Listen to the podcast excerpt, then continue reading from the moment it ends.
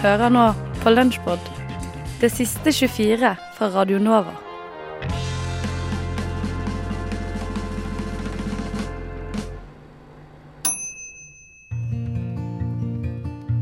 For du fortjener en som skummer kultur.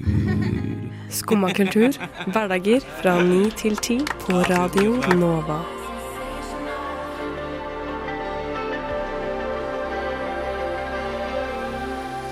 Her fikk vi en ny låt fra Amish 82 før premiere i Skumma kultur på Radio Nova. Og Snorre Valen han er fortsatt her. Ikke forveksla med SV-Snorre, selv om de har samme navn, samme høyde, vekt, frisyre, dialekt, fødested og mor. Eh, nei, nei. Det her er Amish 82-Snorre i full prakt her i studio. I en, en genser eh, med stor, eh, stor, relativt stor utringning.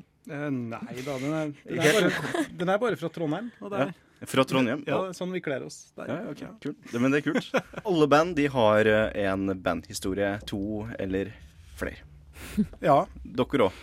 ja mange. Ja. Eh, ikke så mange som egner seg på radio. Nei. Og ja vel? Eh, nei, men eh, Ja, vi har noen bandhistorier. Det er jo de vi helst vil høre. Ja, de, men vi vil høre eh, en bandhistorie. Vi, ja. vi vil høre alle, vi. hør bandet innrømme alt. alt Ja. avslører.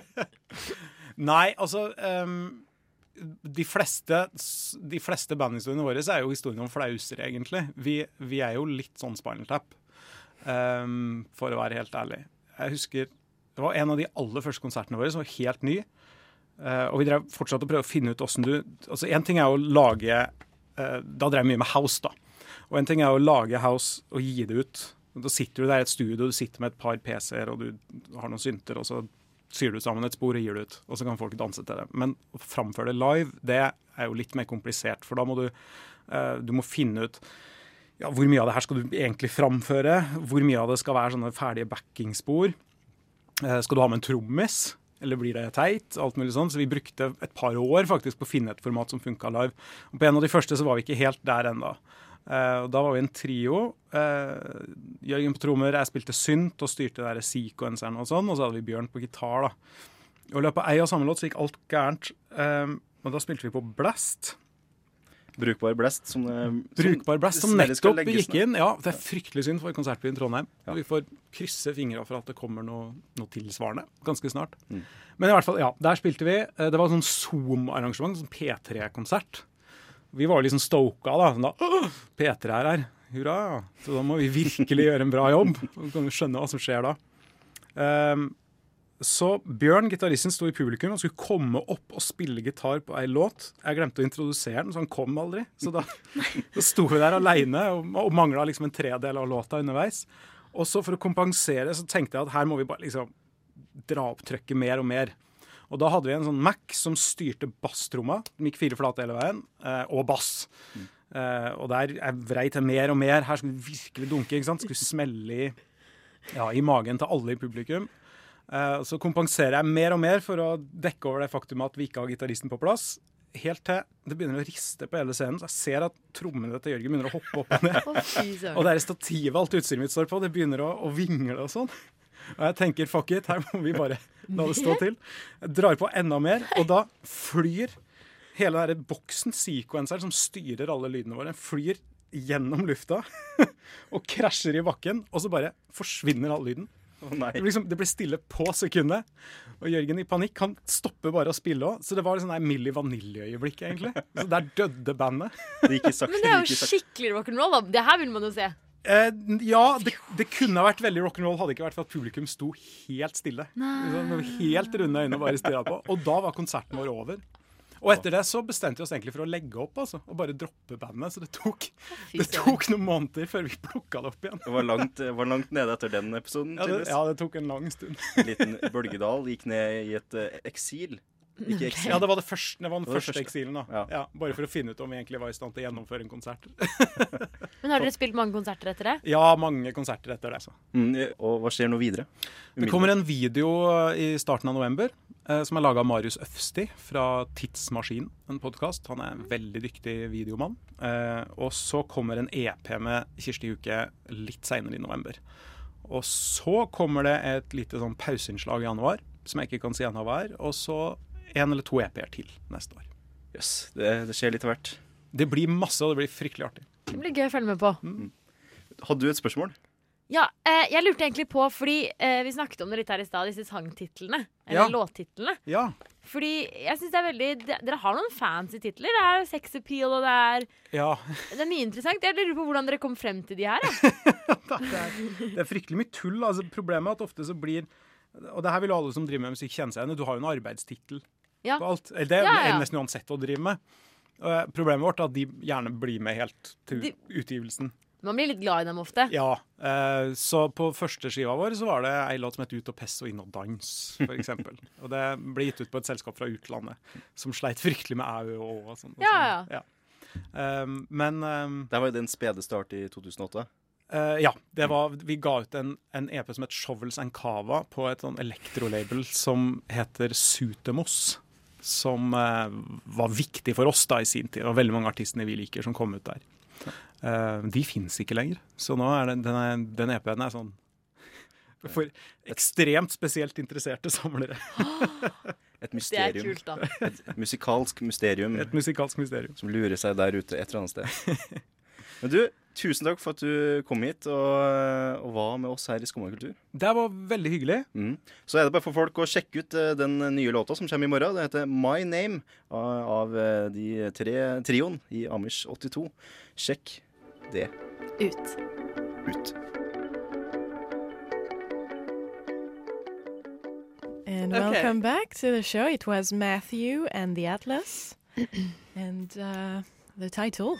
The title is On a Midnight Street. Very nice song. Beautiful, good uh, song. beautiful voice. And you heard them. You Yeah, so them on Monday they were doing the first part of Bears Den in Parkteatret. And um, yes, a great band. Very, uh, very funny people. So to tie it in with our topic, did you did you flirt with any Norwegian men at this concert? uh, oh, no. And how did it go? You did? I met some British boys. So Okay. They're probably listening, actually. Oh. Ooh, shout out to Hello, the British, British boys. boys. Hello, boys. Hello. Yeah. Uh, um, yeah, but I went there alone actually, and um, it's always nice to see uh, uh, the Norwegian crowds at gigs. I don't know oh if no, you've no, experienced that's not that nice. No, I don't know. I mean, every gig I went to, and the Norwegians were like um afraid of like moving, a muscle. Yeah, yeah, yeah. They they Mm. don't, but like Yeah, they Yeah. just stand completely still. I I, I, didn't notice it until I went to a concert by myself. Because like when I was with my friends, we were kind of like just doing whatever. But yeah, yeah, they they just don't rock No. or headbang. no, they stand there. but um, but it's a I guess it's a cultural thing, isn't it? It like it all comes back to dating uh, with the more um, I don't know composed way of Yeah, mm, just dealing with stuff. a Um, little less outgoing. I, yeah, yeah. Well, the or or too much outgoing actually. I've experienced. Yeah, that was that's my problem with Norwegian dating. But if you if you take um, in the context of um, boys meets girl and you know in a co- mm, regular environment, no crazy Oh, party, yeah. but like uh, they Okay. wouldn't. Okay, the only dating I did was like pre, like, you know, from via internet. Okay, I'm not gonna Mm. say which internet, okay, but an app.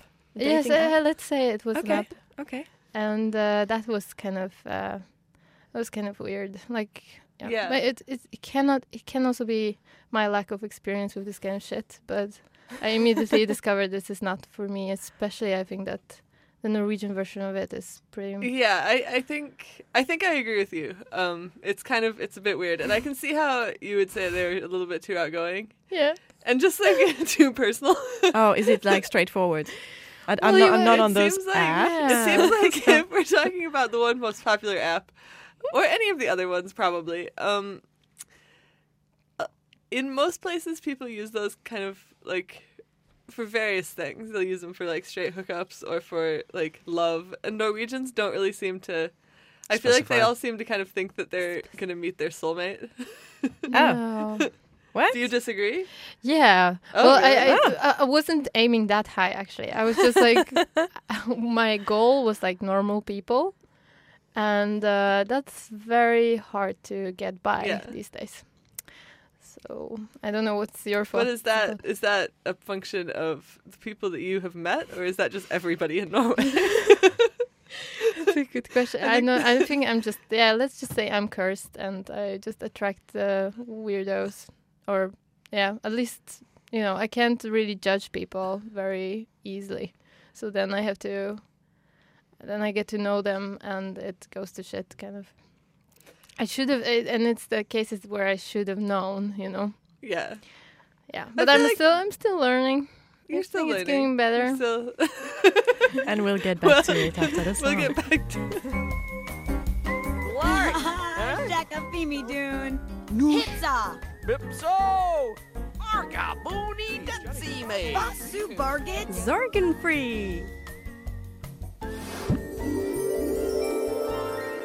Vi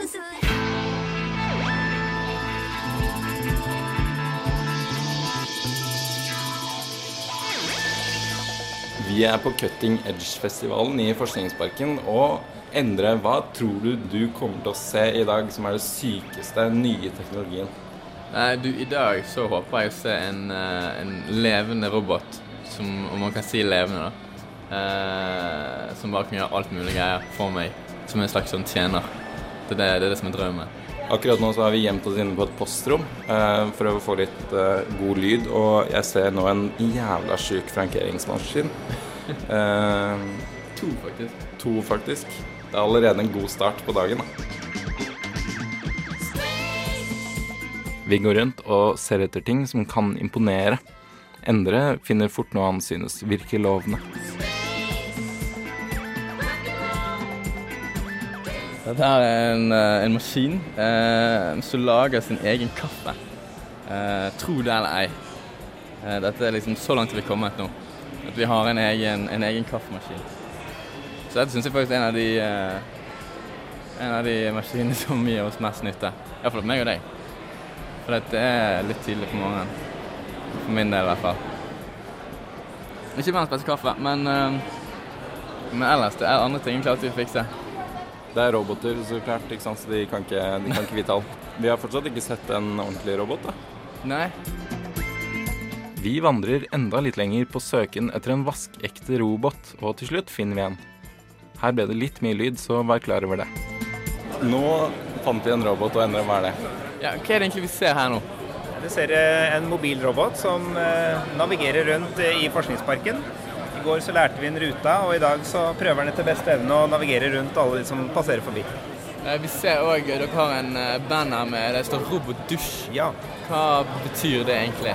Robotdusj har vi jobbet med i seks år, eh, og vi har jobbet sammen med brukerne og kommunene og lært veldig mye om behov. Eh, Og vi har jo nå begynt å lage pilotutprøvinger av dette også i Drammen, hvor vi har roboten montert opp. Så det er bare å komme og få seg en dusj. Så hva, hva vil det innebære liksom, at når man får en robotdusj? Hva får man da, liksom? Nei, Da får man en dusj som eh, erstatter den eh, hjemmehjelpen som du ellers må ha, og kan øke eh, egenmestringen og på en måte frihet i hverdagen til å vaske hver dag, i stedet for en gang hver 14. dag. Så det, men de vil ikke ta over verden i løpet av uh, kort tid? Nei, det tror jeg ikke. Det tror jeg er en helt naturlig utvikling at uh, vi vil se roboter som en mer og mer integrert del av hverdagen vår.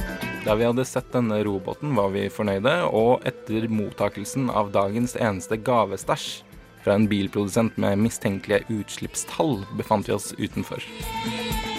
Nå endra Så du noe av det du trodde du kom til å se? Uh, ja Eh, Det ble liksom en sånn straight robot. Det var liksom ikke en sånn uh, En robot med personlighet og liksom som man kunne Som man kunne tro ville ta over liksom hele, hele verden. Det var mer en sånn praktisk dusjrobot. Eh, Så for så vidt er det greit. Men ellers var det, litt, det, var mye, det var mye straight ting. Det var mye sånn faktisk, man faktisk tenk, trengte, liksom. Det var ikke noen sånne gimmick-greier. Du, da? Nei, ehm, det var ikke noen sånne kule VR-greier. Og så fikk vi en, eh, vi fikk en Volkswagen Buff, men eh, annet enn det så er liksom Det jeg tror det, altså det og kaffen var kanskje det vi tok med oss som, som det mest minneverdige. Ja.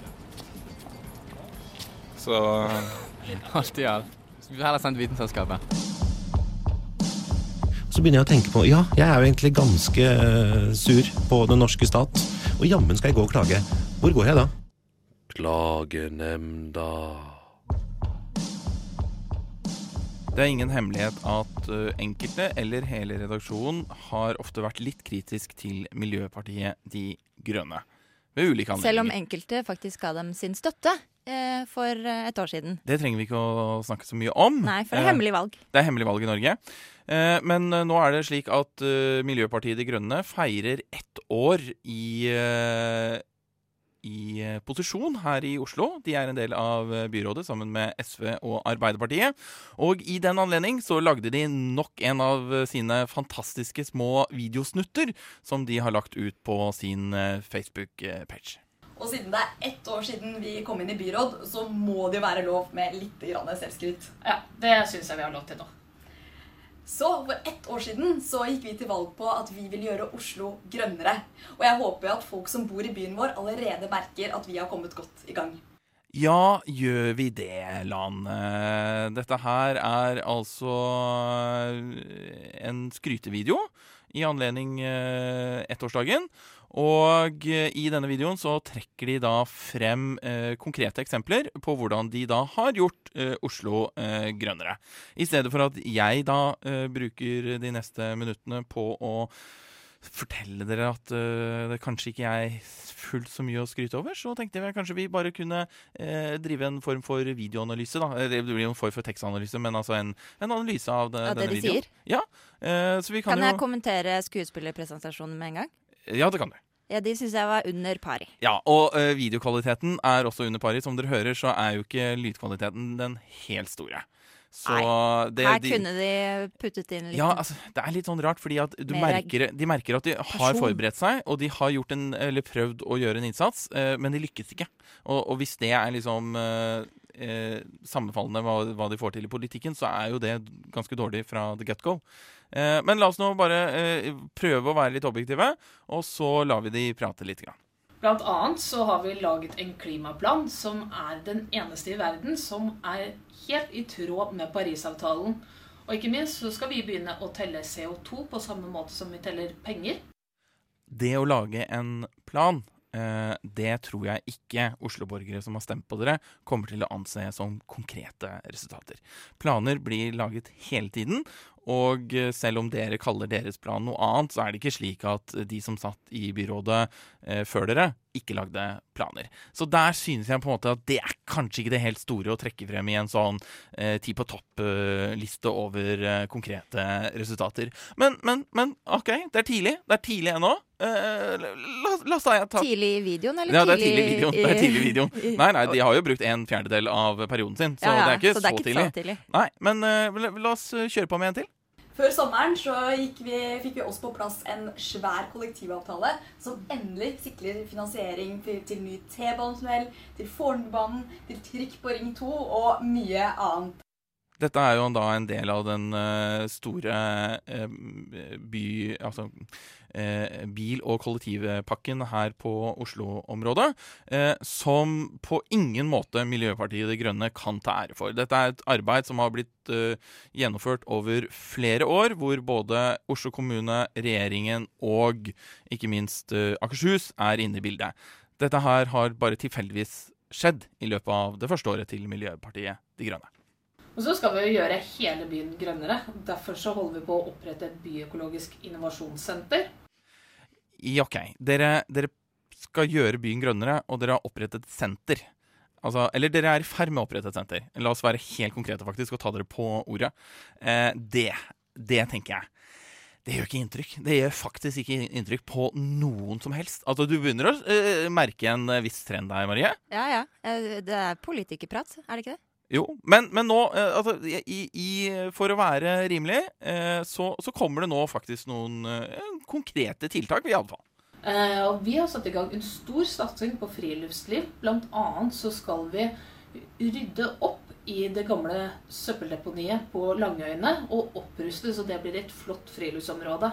I tillegg så jobber vi for statlig vern av Ekebergsletta, og ikke minst for å gjøre Østmarka til en nasjonalpark. Hvis vi da bare skal ta tak i to av de tingene som her blir nevnt, eh, så kan vi jo begynne med Langøyene. Eh, som da ble straks stengt eh, i 2013 fordi at man fant ut at det var mye gift både i vann og i bakke.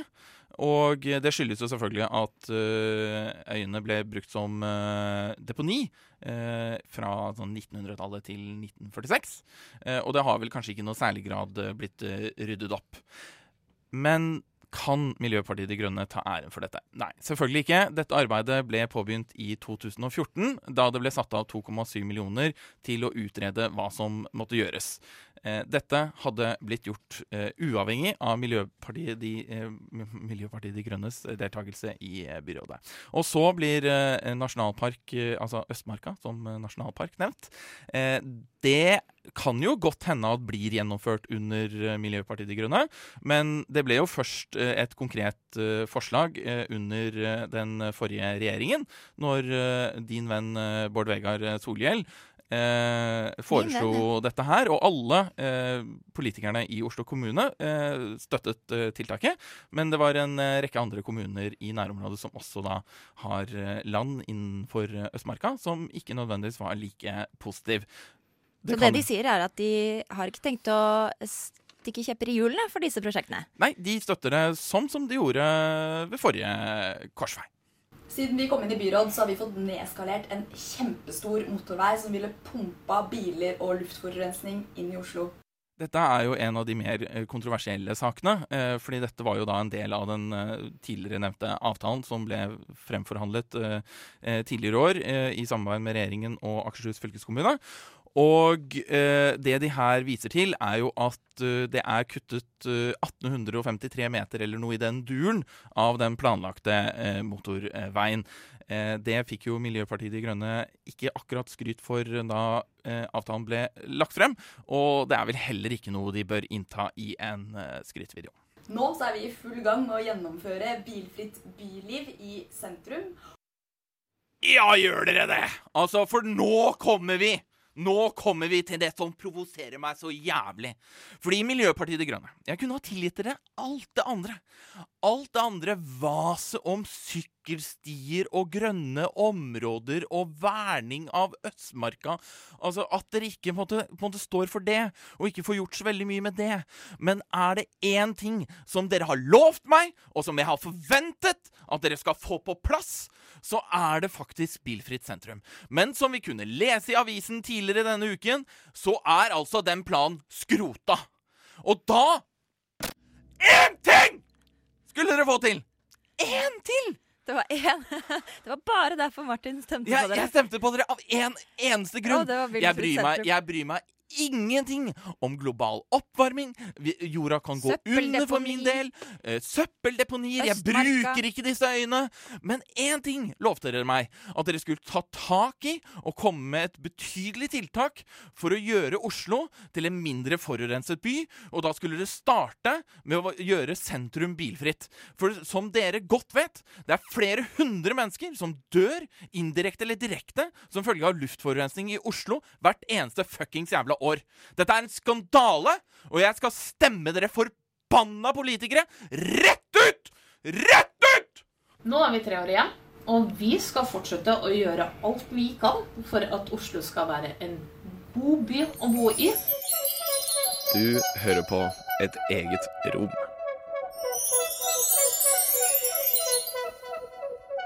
Tilla og Falling hører du her. Vi snakker om FN og feirer FN-dagen her i Et eget rom i dag. Og det er jo ikke bare sånn at eh, FN er kritiske til alle andre enn Norge, for FN er kritiske til Norge også. Og en av de tingene som eh, FN har kritisert Norge for, er disse måtene vi varetektsfengsler og også holder barn i fengsel. Um, Karen Helmervik Nerbø fra Jussbuss, du snakket litt i stad om forholdene og kritikken fra FN. Men jeg lurer litt på sånn Hvordan mottas egentlig en kritikk fra FN? Vet du noe om eh, hva det innebærer da, at Norge får eh, kritikk? Eh, altså Den kritikken man får fra FN, vil jo stort sett ikke være juridisk bindende da, for Norge. Um, I motsetning til hva en, f.eks. en dom fra menneskerettighetsdomstolen, europeiske menneskerettighetsdomstolen, det ville vært bindende for Norge. Men så er det jo utrolig pinlig da, for Norges del eh, å få den kritikken. Um, og det gjelder jo særlig f.eks. på Vi har fått mye kritikk for isolasjonsbruk i fengsel. Eh, og da er det jo veldig flaut når FNs torturkomité kommer og sier at nå, nå må dere roe dere. Da, da burde man ta det alvorlig. Ja, man hører at det ikke er bra, liksom. Ja. Så det er mest eh, flaut for Norge, egentlig. Det er veldig flaut. Ja. Det er det. Men isolasjonsbruk også er jo knytta til fengsel, og du sa dere også har vært ganske interessert i det. Det stemmer. Um, vi, det er jo flere ting som, som vi retter kritikk mot da, når det gjelder isolasjonsbruk. Én en ting er at det, det i seg selv er et utrolig uh, En veldig inngripende ting å gjøre. da, Å sette noen uh, på låst inne på en celle i 23 timer i døgnet. Ehm, det er veldig, veldig inngripende for den enkelte som opplever det, og det kan være veldig skadelig også, både fysisk og psykisk. Um, og det skal heller ikke veldig mye til før det blir irreversibelt, da. Eller det kan utvikle seg kroniske problemer knyttet til det. Um, og når man vet at det er så et så inngripende vedtak eh, som isolasjonsvedtak er, så eh, tilsier da både liksom norske rettsprinsipper og også menneskerettighetsprinsipper at det må være eh, veldig klar lovhjemmel for å vedta det, da. Eh, men i Norge så er det egentlig en ganske vid hjemmel. Altså paragrafen hvor man eh, bestemmer at noen skal sitte isolert, den er veldig sånn skjønnspreget. Um, og ordlyden er vel det at det må være nødvendig for å opprettholde ro, orden og sikkerhet i fengselet. Og det kan jo være veldig mye, da, som man hører litt. Um, og det har vi fått mye kritikk for.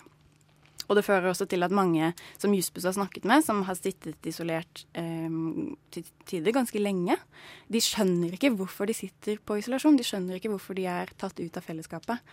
Uh, og det gjør det ekstra vanskelig for dem både å, å takle den situasjonen um, for seg selv, men også å, å klage på den, f.eks.